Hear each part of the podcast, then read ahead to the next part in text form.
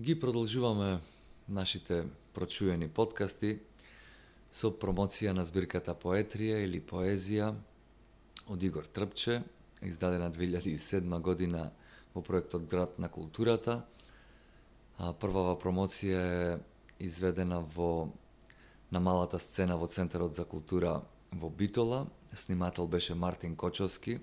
Видеото се надеваме ќе можете да го погледнете на нашата веб страна многу наскоро, кога таа ќе биде достапна во етерот. И ги поздравувам тука Тони Нинджата, кој ни беше озвучување и гостин на еден дел од песните на бас, како и Менде Кецот и Владо, кои во тоа време редовно имаа проби со мене и направивме неколку одлични аранжмани или ја создадовме групата Тој и То, преку која ги отпеавме дел од моите стихови, кои еве и до ден денеска се уште ги рецитирам или ги ги паметам нивните или аранжманите на Владо може да се каже. Па уживајте.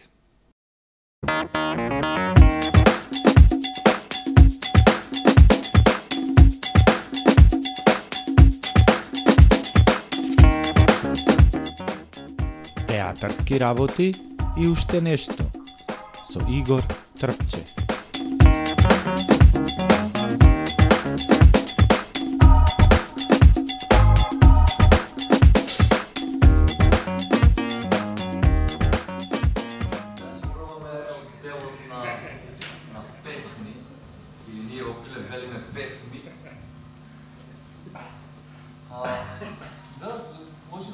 Пак, не, мене ми се допадна. Поздрав за Тони, многу ви помогна. Да брате.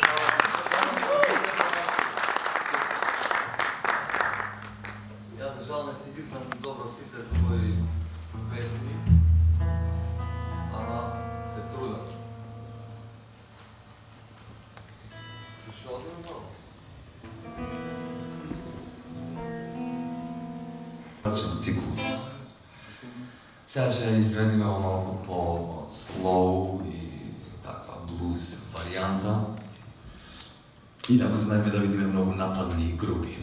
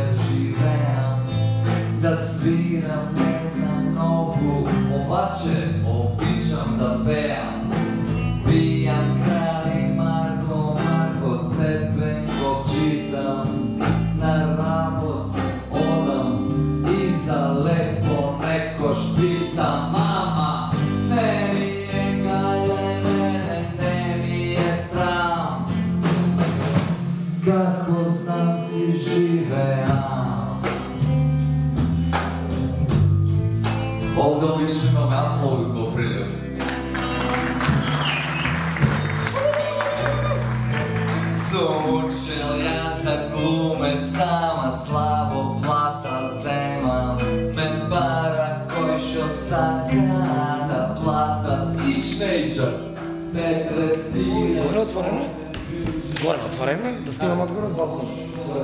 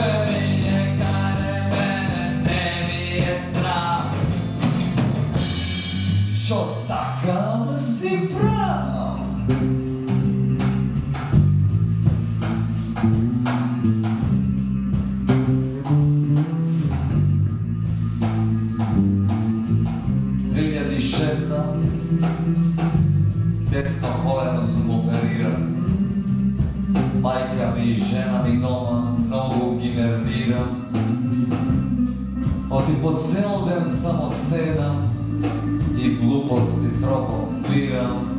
Ако чудам по веце јас на шта се подбирам,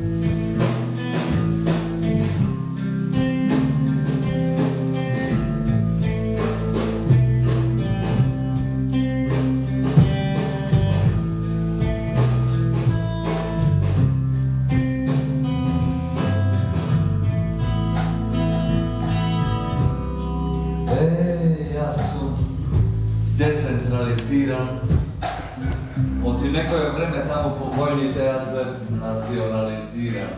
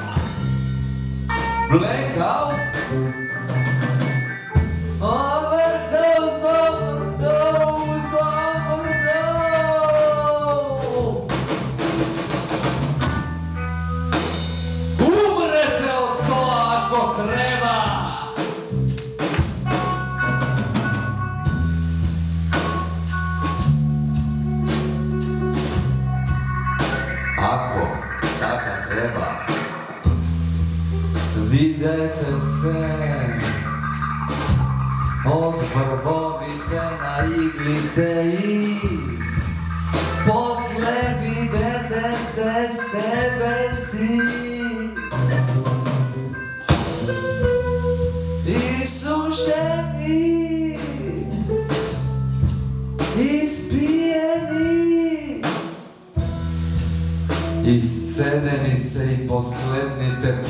que giba ao todo.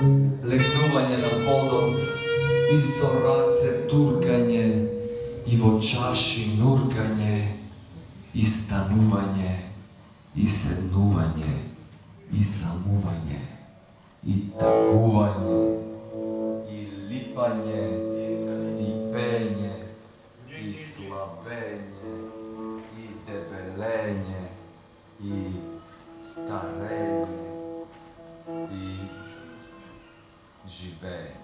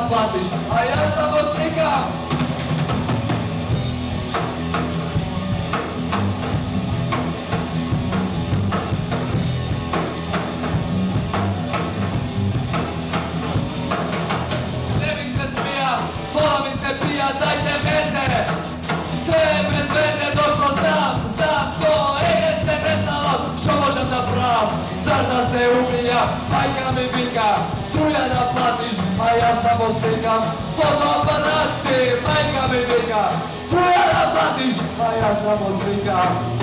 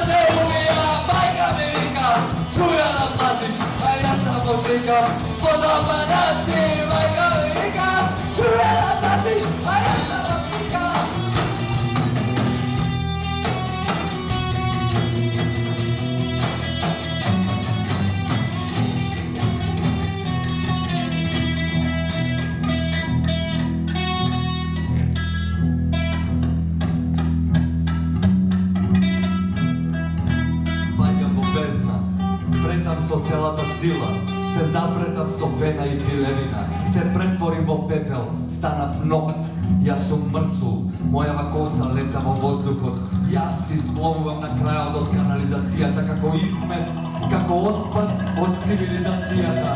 Пајкам во бездна, владеам со просторот, мое небото, моја е земјата. Сакам да се сплескам и да се распарчам на сите страни.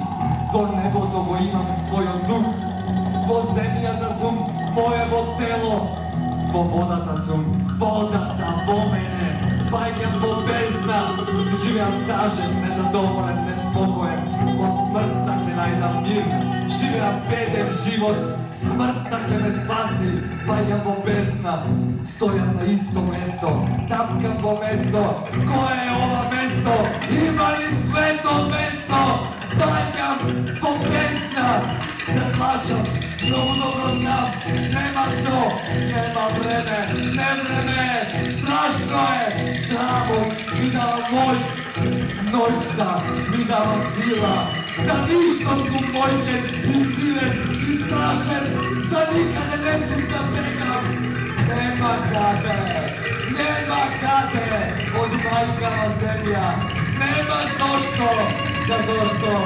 паѓам, паѓам во бездна!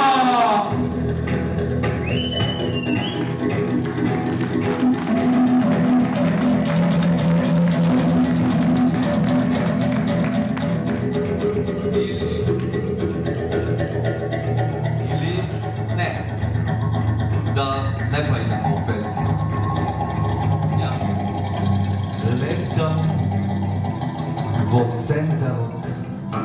на една празна, шуплива, стаклена цевка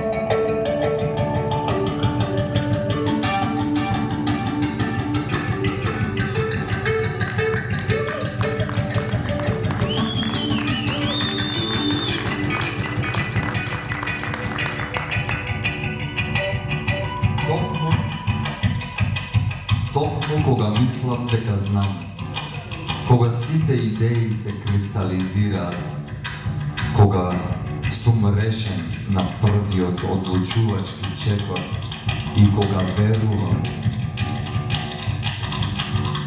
се јавува твојот дух, несвесен за злочинот кој го извршува и вбрискува во мојава глава отров, чие дејство се уште не престанало. Почнувам да страдам за тебе, престанувам да мислам на себе. Мојата верба, која тебе ти ја вливам, ослабува од неодлучноста на твојата сила. Мислиме на време, место, услови, бараме плодна почва за нови сејби, сакаме чиста врска, големо дело, сакаме искрено и смело. Да го препородиме светот во иднината, да се помириме со патот на судбината, да се измачуваме до крајот вистината, да се скриеме и затлабочиме во тлабочината на нашата цел и смисла. Нашата идна, блиска, сопатничка, чие срце вриска од давнина излегува на рамнина. Сонце ја осамнува, сила не исполнува, вила мила нема гепсува и ветува колку би била верна, искрена, чиста, мед од устата и плиска, во очите сонце свети, а градите радост сети, ветуваат и се колнат, токму кога мислам дека знам, дека ова, низ кое што минам, за ваше добро го чинам. Со оваа мисла плава, чувствувам дека ве славам. Ви благодарам.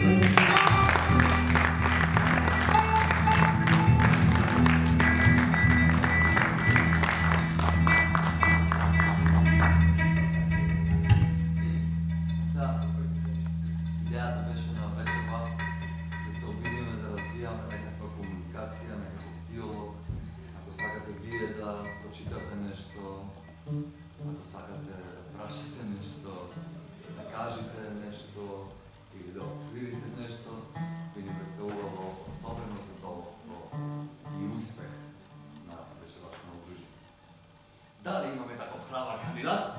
Дали ќе добиеме одговор? Апсолутно. ако Пред микрофон, пред микрофон, посебно. Пред микрофон. Има прашање човеков. Појде, појде. Прашав, дали ќе добиеме одговор? Апсолутно, ако сме овај во состојба да ви дајме одговор на вашето прашање, оти ги немаме сите одговори, нели? Не сме семојчни. Ете, ете тоа е мотив за една еден монолог кој му го про... одговорот? Да, кое е прашањето? Thank you very much. На ова прашање ме подсети на едно големо прашање во мојот живот, кога се најдов пред запишување на Академијата за драмски уметности во Скопје и ни дадоја задача да си одбериме монолог. И сега ни дадо една книга од Горан Стефановски, одбрани драми.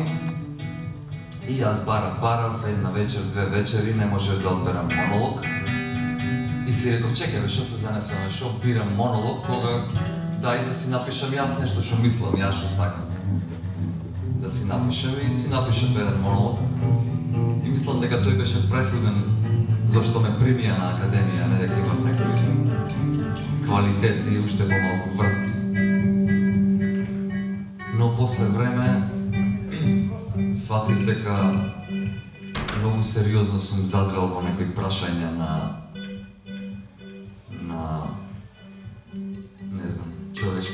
искреност и свест. Овде е во скратена верзија затоа што му се обраќав на комисијата на професорите. Вика, не знам зошто го правам ова, за кого, како, колку. Се спремав, учев, читав, вежбав и што? Дојдов овде да излезам пред вас и да чекам одговор од тебе, од вас, од било кого. А за кого, ако не за себе? Постојам за себе, живеам за себе, учам, работам, јадам, пијам, пушам. И пак сум тука и ме нема повеќе. И чекам некој да ми каже да или не.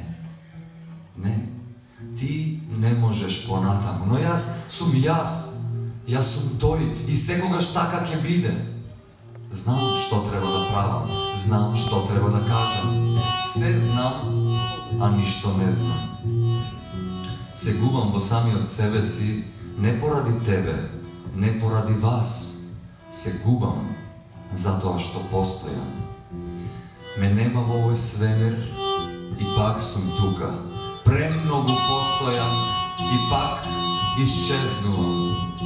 Тешко е да се живее, тоа го знаат сите, но зошто никој ништо не прави? Некогаш си мислам дека луѓето немаат идеи, но знам дека не сум прав. Секој може да создаде нешто, нешто важно од својот живот. Тоа нешто многу значи. Зарем се плашат влезени во злоупотребени шаблони и се лажат дека се е во ред. Не знам зошто е така, но едно знам. Нема да дозволам да бидам како миф. Ке правам се што не треба да се прави, само ако јас тоа го сакам. Секогаш правете тоа што сакате. И не плашете се за последиците. Ако некогаш изгрешите, ништо. Платете го својот долг и исто онака како што сте ја направиле и грешката. Тоа е хумано. Тоа е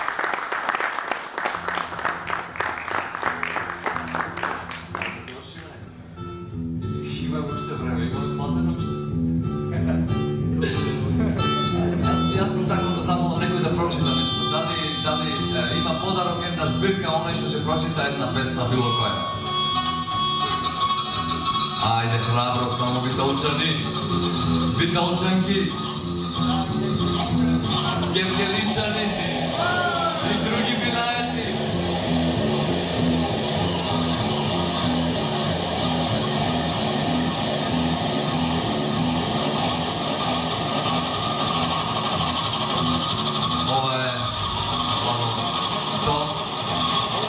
и менде То. Ние сме тој и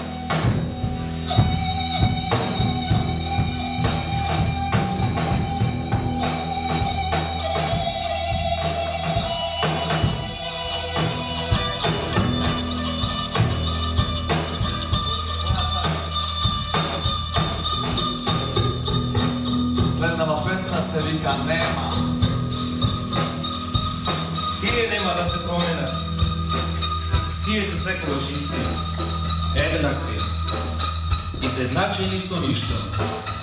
Помножени со нула. Нема да се променат, дури го пијат последното кафе. Нема, ни во последниот ден од својот живот. Пушејќи ја последната цигара. Издишувајќи го страстно последниот здих. Духот наречен живот. Духот наречен надеж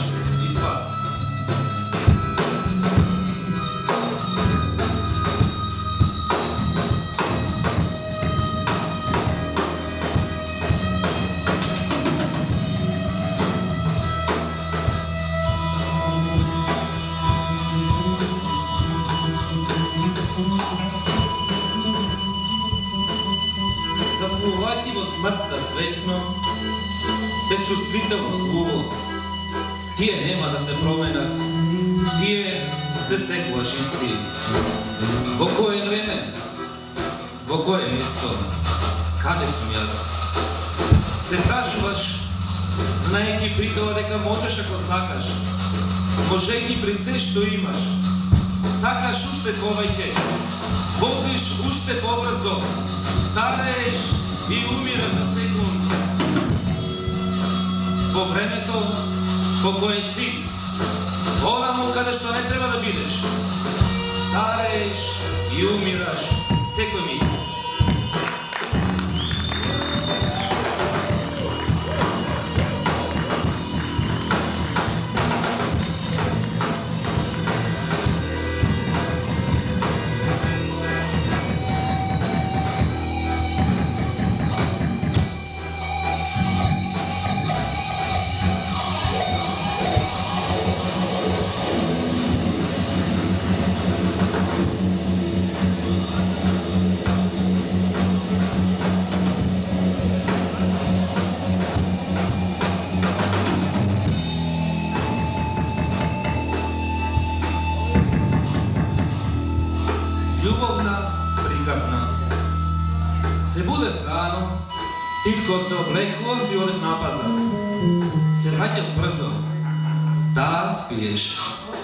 Будев со јако кафе.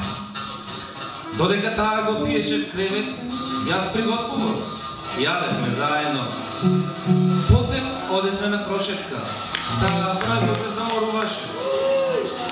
Кога стигнувавме назад, таа веднаш легнуваше, а јас долго ја гледав.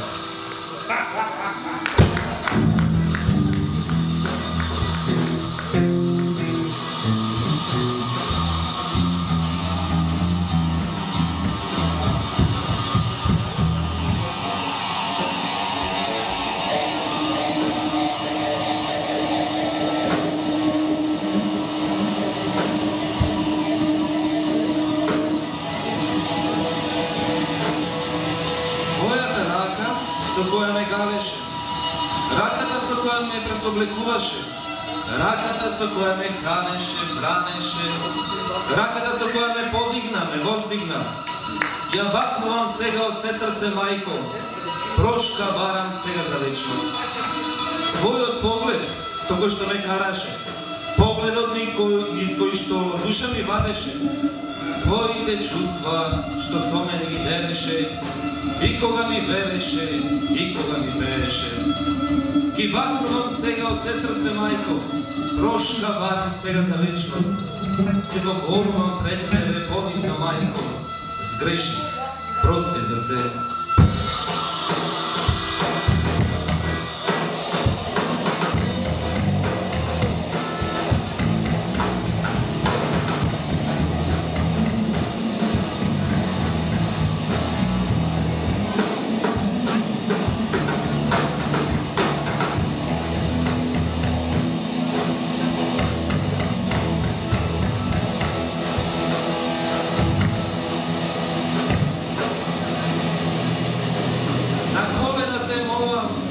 Верувај ми, мајко, пак сум оној истиот јас.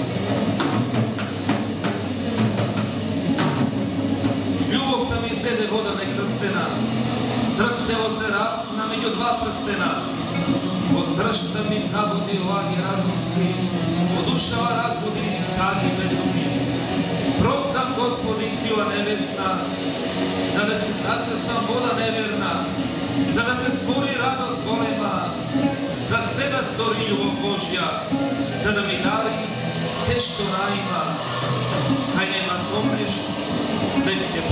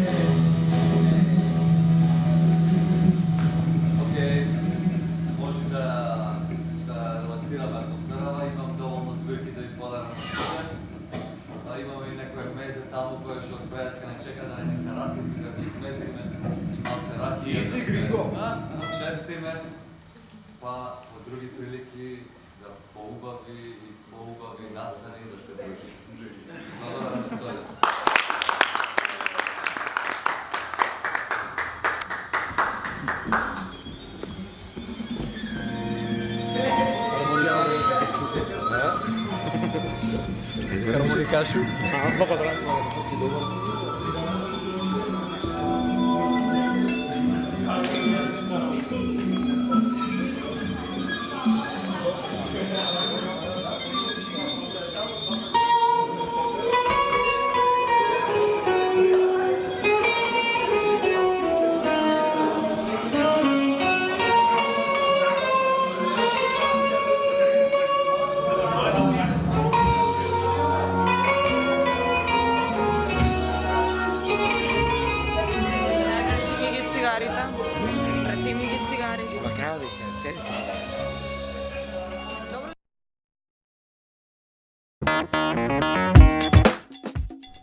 Слушавте Театарски работи и уште нешто.